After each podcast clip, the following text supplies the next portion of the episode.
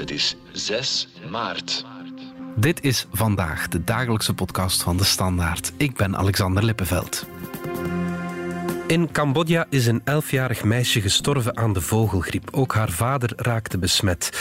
Het doet de ongerustheid over de vogelgriep weer toenemen. Talloze wilde vogels zijn al gestorven aan die griep. En recentelijk is de vogelgriep ook overgeslagen naar zoogdieren, die nu ook de ziekte doorgeven aan elkaar.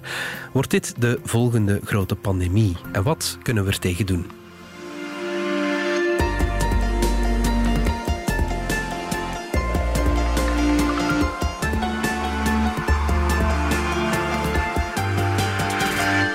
Van den Einde van onze wetenschapsredactie. Om te beginnen gaan we even eh, een goede 100 jaar terug. De Spaanse grieppandemie in de jaren 1918 eh, tot 1920. Die maakte miljoenen slachtoffers. Wat ik niet wist, is dat dat allemaal de schuld was van de vogelgriep.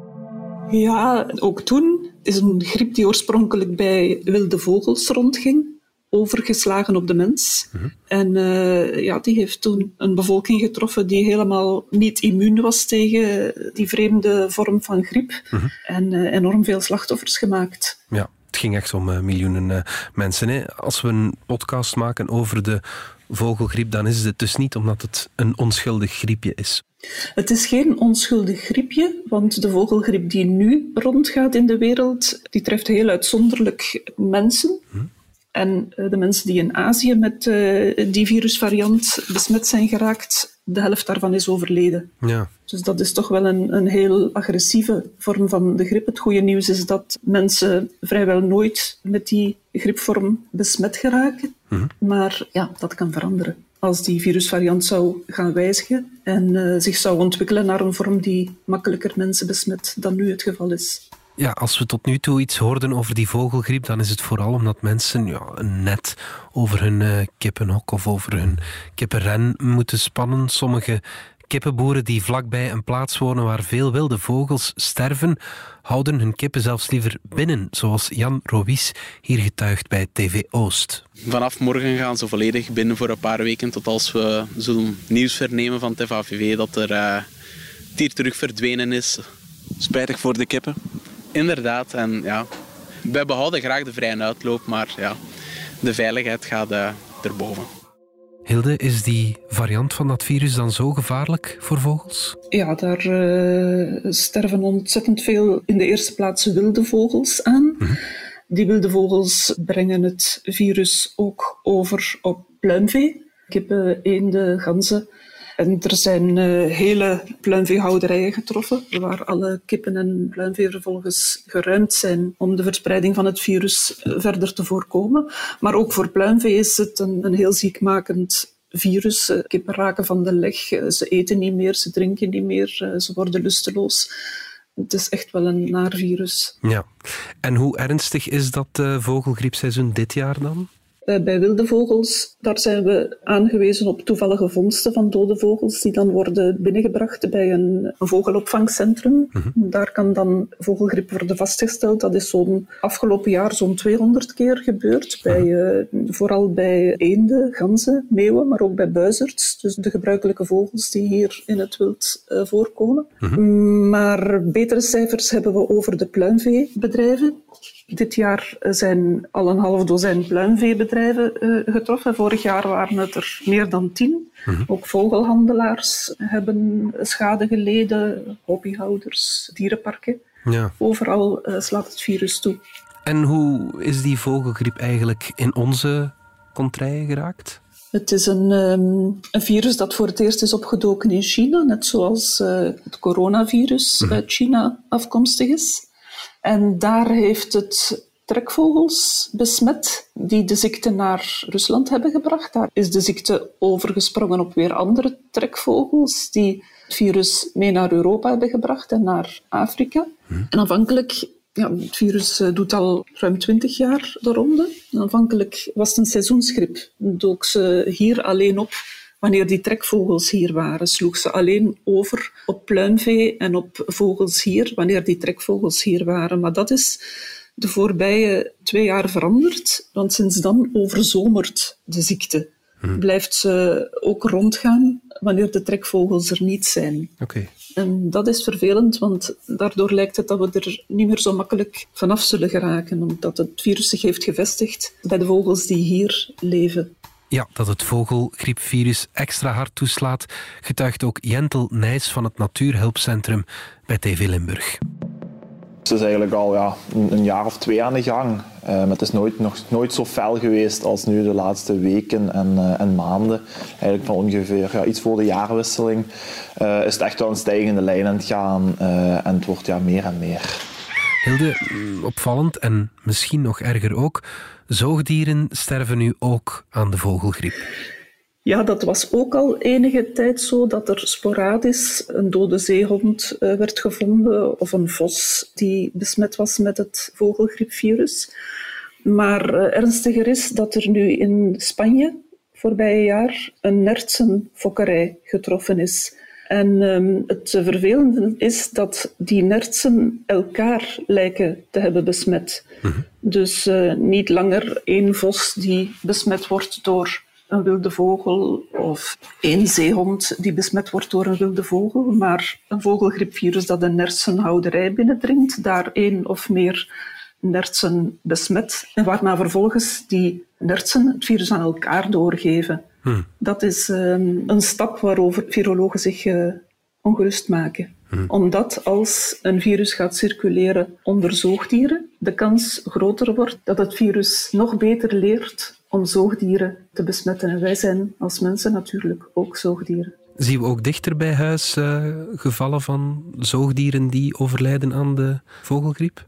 In ons land zijn uh, dode vossen gevonden. Mm -hmm. In Nederland zijn zeehonden gevonden die besmet waren, maar dat zijn dus waarschijnlijk allemaal sporadische besmettingen. Niet besmettingen van zoogdieren die het virus aan elkaar doorgeven. Ja, en zo, door die sporadische besmettingen, zijn ook al eerder mensen besmet geraakt? Ja, vooral dan mensen die in nauw contact staan met zieke vogels. Dan kun je denken aan dierenartsen die in pluimveebedrijven komen waar vogelgriep is vastgesteld, of pluimveehouders. Of mensen die in vogelopvangcentra werken waar zieke vogels worden binnengebracht. Maar tot dusver is het echt heel, heel, heel erg zelden dat mensen besmet worden met de vogelgriep. Het gaat over een, een enkele tientallen gevallen mm -hmm. de voorbije jaren. Dus wat dat betreft is er nu nog geen groot probleem. Nee, maar we moeten wel waakzaam zijn. We moeten waakzaam zijn omdat het virus zoals het nu onder vogels circuleert en zoals het zich lijkt aan het aanpassen te zijn aan circulatie onder zoogdieren, verder kan gaan op die ingeslagen weg en zich steeds beter zou kunnen gaan aanpassen aan circulatie onder zoogdieren en dus ook onder mensen. Mm. Als het zover komt, ja, dan hebben we een probleem. Want niemand, of, of haast geen enkele mens, uh, heeft immuniteit tegen uh, deze vorm van griep. Mm. Wat moet je dan doen als je een dode vogel ziet liggen? moet je dan daar vooral ver van weg blijven? Uh, ja, want absoluut. ze worden wel binnengebracht. Ja, die, die, mag je dus absoluut niet aanraken. -huh. Je kunt een vogelopvangcentrum bellen om te weten dat je een dode vogel hebt aangetroffen, maar raak zo'n beest vooral niet aan, ja. want dat is vragen om problemen.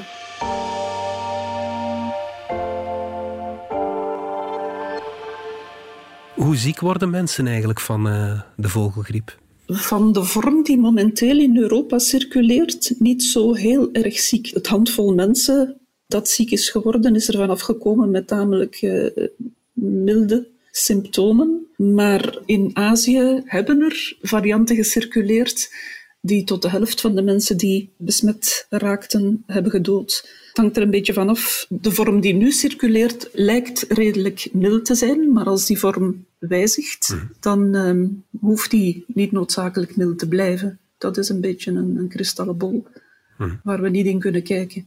En bestaat er een vaccin tegen... Uh, er is een vaccin voor uh, vogels. Okay. Dat is nog niet goedgekeurd voor mensen. En het wordt ook niet gebruikt voor vogels. En dat heeft economische redenen, omdat het duur is om, om hele pluimveehouderijen te vaccineren. Mm -hmm. En ook omdat afnemers van kippenvlees niet zo geneigd zijn om gevaccineerd vlees te kopen, omdat ze niet kunnen onderscheiden of een kip die antistoffen heeft tegen vogelgriep of die gestorven is aan de vogelgriep, dan wel of ze er tegen gevaccineerd was toen ze werd geslacht. Een andere reden waarom men uh, aarzelt met um, vaccineren van pluimvee is dat niet zeker is dat het vaccin beschermt tegen onderlinge besmetting. Het beschermt wel tegen ziekte. Mm Dan zou je dus de situatie kunnen krijgen dat een virus aan het circuleren is in een pluimveehouderij zonder dat je het in de gaten hebt. En dat dus op die manier de circulatie zou kunnen blijven doorgaan en de kans op wijzigingen van het virus zou blijven bestaan. Terwijl nu de aanpak wordt gehanteerd van Kijk, is er ergens in een pluimveehouderij vogelgriepvirus, dan merken we dat meteen, omdat vogels niet langer eieren leggen, omdat ze niet meer drinken, omdat ze niet meer eten, omdat ze suf worden. En dan wordt zo'n bedrijf geruimd en dan is het probleem van de baan. Ja. Hilde, we hadden het daarnet over de vogelgriep. We komen natuurlijk uit een periode waar we met een virus zwaar geconfronteerd zijn uh, geweest, het coronavirus. Toen was er nog geen vaccin aan de start van uh, die pandemie. Helpt ons dat op een manier? Stel dat dit zou gaan ontsporen, dat er nu wel al iets is? Ja, dan hebben we een voorsprong. Uh, er is heel veel ervaring met het maken van griepvaccins. Wat er in zo'n geval zou moeten gebeuren is, dan zou men moeten kijken welke vorm van het virus de ronde doet die genetische informatie inbouwen in het vaccin. En dan uh, zou dat vaccin meteen kunnen worden aangemaakt. Bij corona hadden we het probleem dat er nog nooit een uh, vaccin tegen die soort virus was ontworpen. Mm-hmm. Maar ook al hebben we een voorsprong, omdat we al heel lang weten hoe griepvaccins moeten worden gemaakt. Het duurt nog altijd een hele tijd voor zo'n vaccin uit de fabriek rolt. Mm-hmm. En de productiecapaciteit is ook niet uh, eindeloos. Nu worden er vaccins gemaakt voor de oudere bevolking. Mm-hmm. Mocht er een pandemie met een onbekend griepvirus de wereld rondgaan, ja, dan moet je iedereen kunnen vaccineren. Mm-hmm. En daarvoor volstaat de huidige capaciteit niet. Maar die capaciteit is nu niet nodig maar we moeten het wel grondig blijven in het oog houden natuurlijk. Ja, er wordt ook uh, heel goed gesurveilleerd. Pluimveebedrijven in Europa worden voortdurend gecontroleerd hm. om te kijken of er geen uh, virus rondgaat. Die nertsenboerderij waar vogelgriep was uitgebroken is geruimd. Dus het risico dat daar een nieuwe variant zou ontstaan die de hele wereld uh, ziek zou kunnen maken, is ook afgewend. De vinger aan de pols houden, het is het, het enige wat we voorlopig kunnen doen. Ja, okay. En dat gebeurt ook. Mm -hmm. We hebben het al over corona gehad, Hilde. Toen zei de Wereldgezondheidsorganisatie van dit is niet de big one, dit is niet de grote pandemie die we al jaren verwachten, terwijl die natuurlijk wel een heel grote impact had op ons leven. Is dit dan misschien wel die grote pandemie, de big one, waar we ons al zo lang zorgen over maken? Ja, virologen hebben altijd gedacht dat als er een grote pandemie zou komen, dat het een grieppandemie zou zijn. Mm-hmm. In dat opzicht is dit een goede kandidaat en een virus om zeker in de gaten te houden. Maar ik denk niet dat we nu moeten besluiten dat corona een, een kleine pandemie was. Er zijn toch mm-hmm. 7 miljoen mensen aan overleden. En um, mocht er een, een, een grieppandemie komen, dan ja, denk ik niet dat we moeten verwachten dat er 100 miljoen mensen aan zullen overlijden, zoals gebeurd is met de Spaanse griep in 1918. Mm-hmm. Want inmiddels is de medische wetenschap wel een beetje veranderd. Er zijn nu bijvoorbeeld antibiotica die complicaties van griep kunnen bestrijden. Die waren er niet in 1918. Mm-hmm. En bovendien was de bevolking toen helemaal uitgeput door de honger en de miserie van de oorlog. Mm-hmm. Dus enerzijds, de, de corona-epidemie was geen kleine pandemie. En anderzijds, dit is iets wat we heel erg in de gaten moeten houden, wat virologen heel erg in de gaten moeten houden. En ja, het gebeurt ook. En om u nog een beetje meer gerust te stellen, ook de bekende viroloog Steven van Gucht maakt zich nog niet te veel zorgen. Zo vertelde hij aan de regionale zender TV Oost. Wel, om eerlijk te zijn, uh, voor de algemene bevolking zou ik me dat echt niet te veel zorgen niet maken. Een aantal basisregels, hè, die voorzichtigheid met zieke vogels, die hygiëneregels respecteren, dat is ruim voldoende. Oké. Okay. Goed, Hilde van den Einde, dankjewel. Graag gedaan. Dit was vandaag de dagelijkse podcast van De Standaard. Bedankt voor het luisteren. Volg ons op Spotify, Apple Podcast of eender welk ander podcastplatform. In onze gratis app DS Podcast kan je niet alleen ons werk beluisteren, maar ook de beste podcasttips terugvinden met zorg geselecteerd door onze redacteur Max de Moor. Alle credits van de podcast die je net hoorde vind je op standaard.be-podcast. Reageren kan via podcast.standaard.be. Morgen zijn we opnieuw.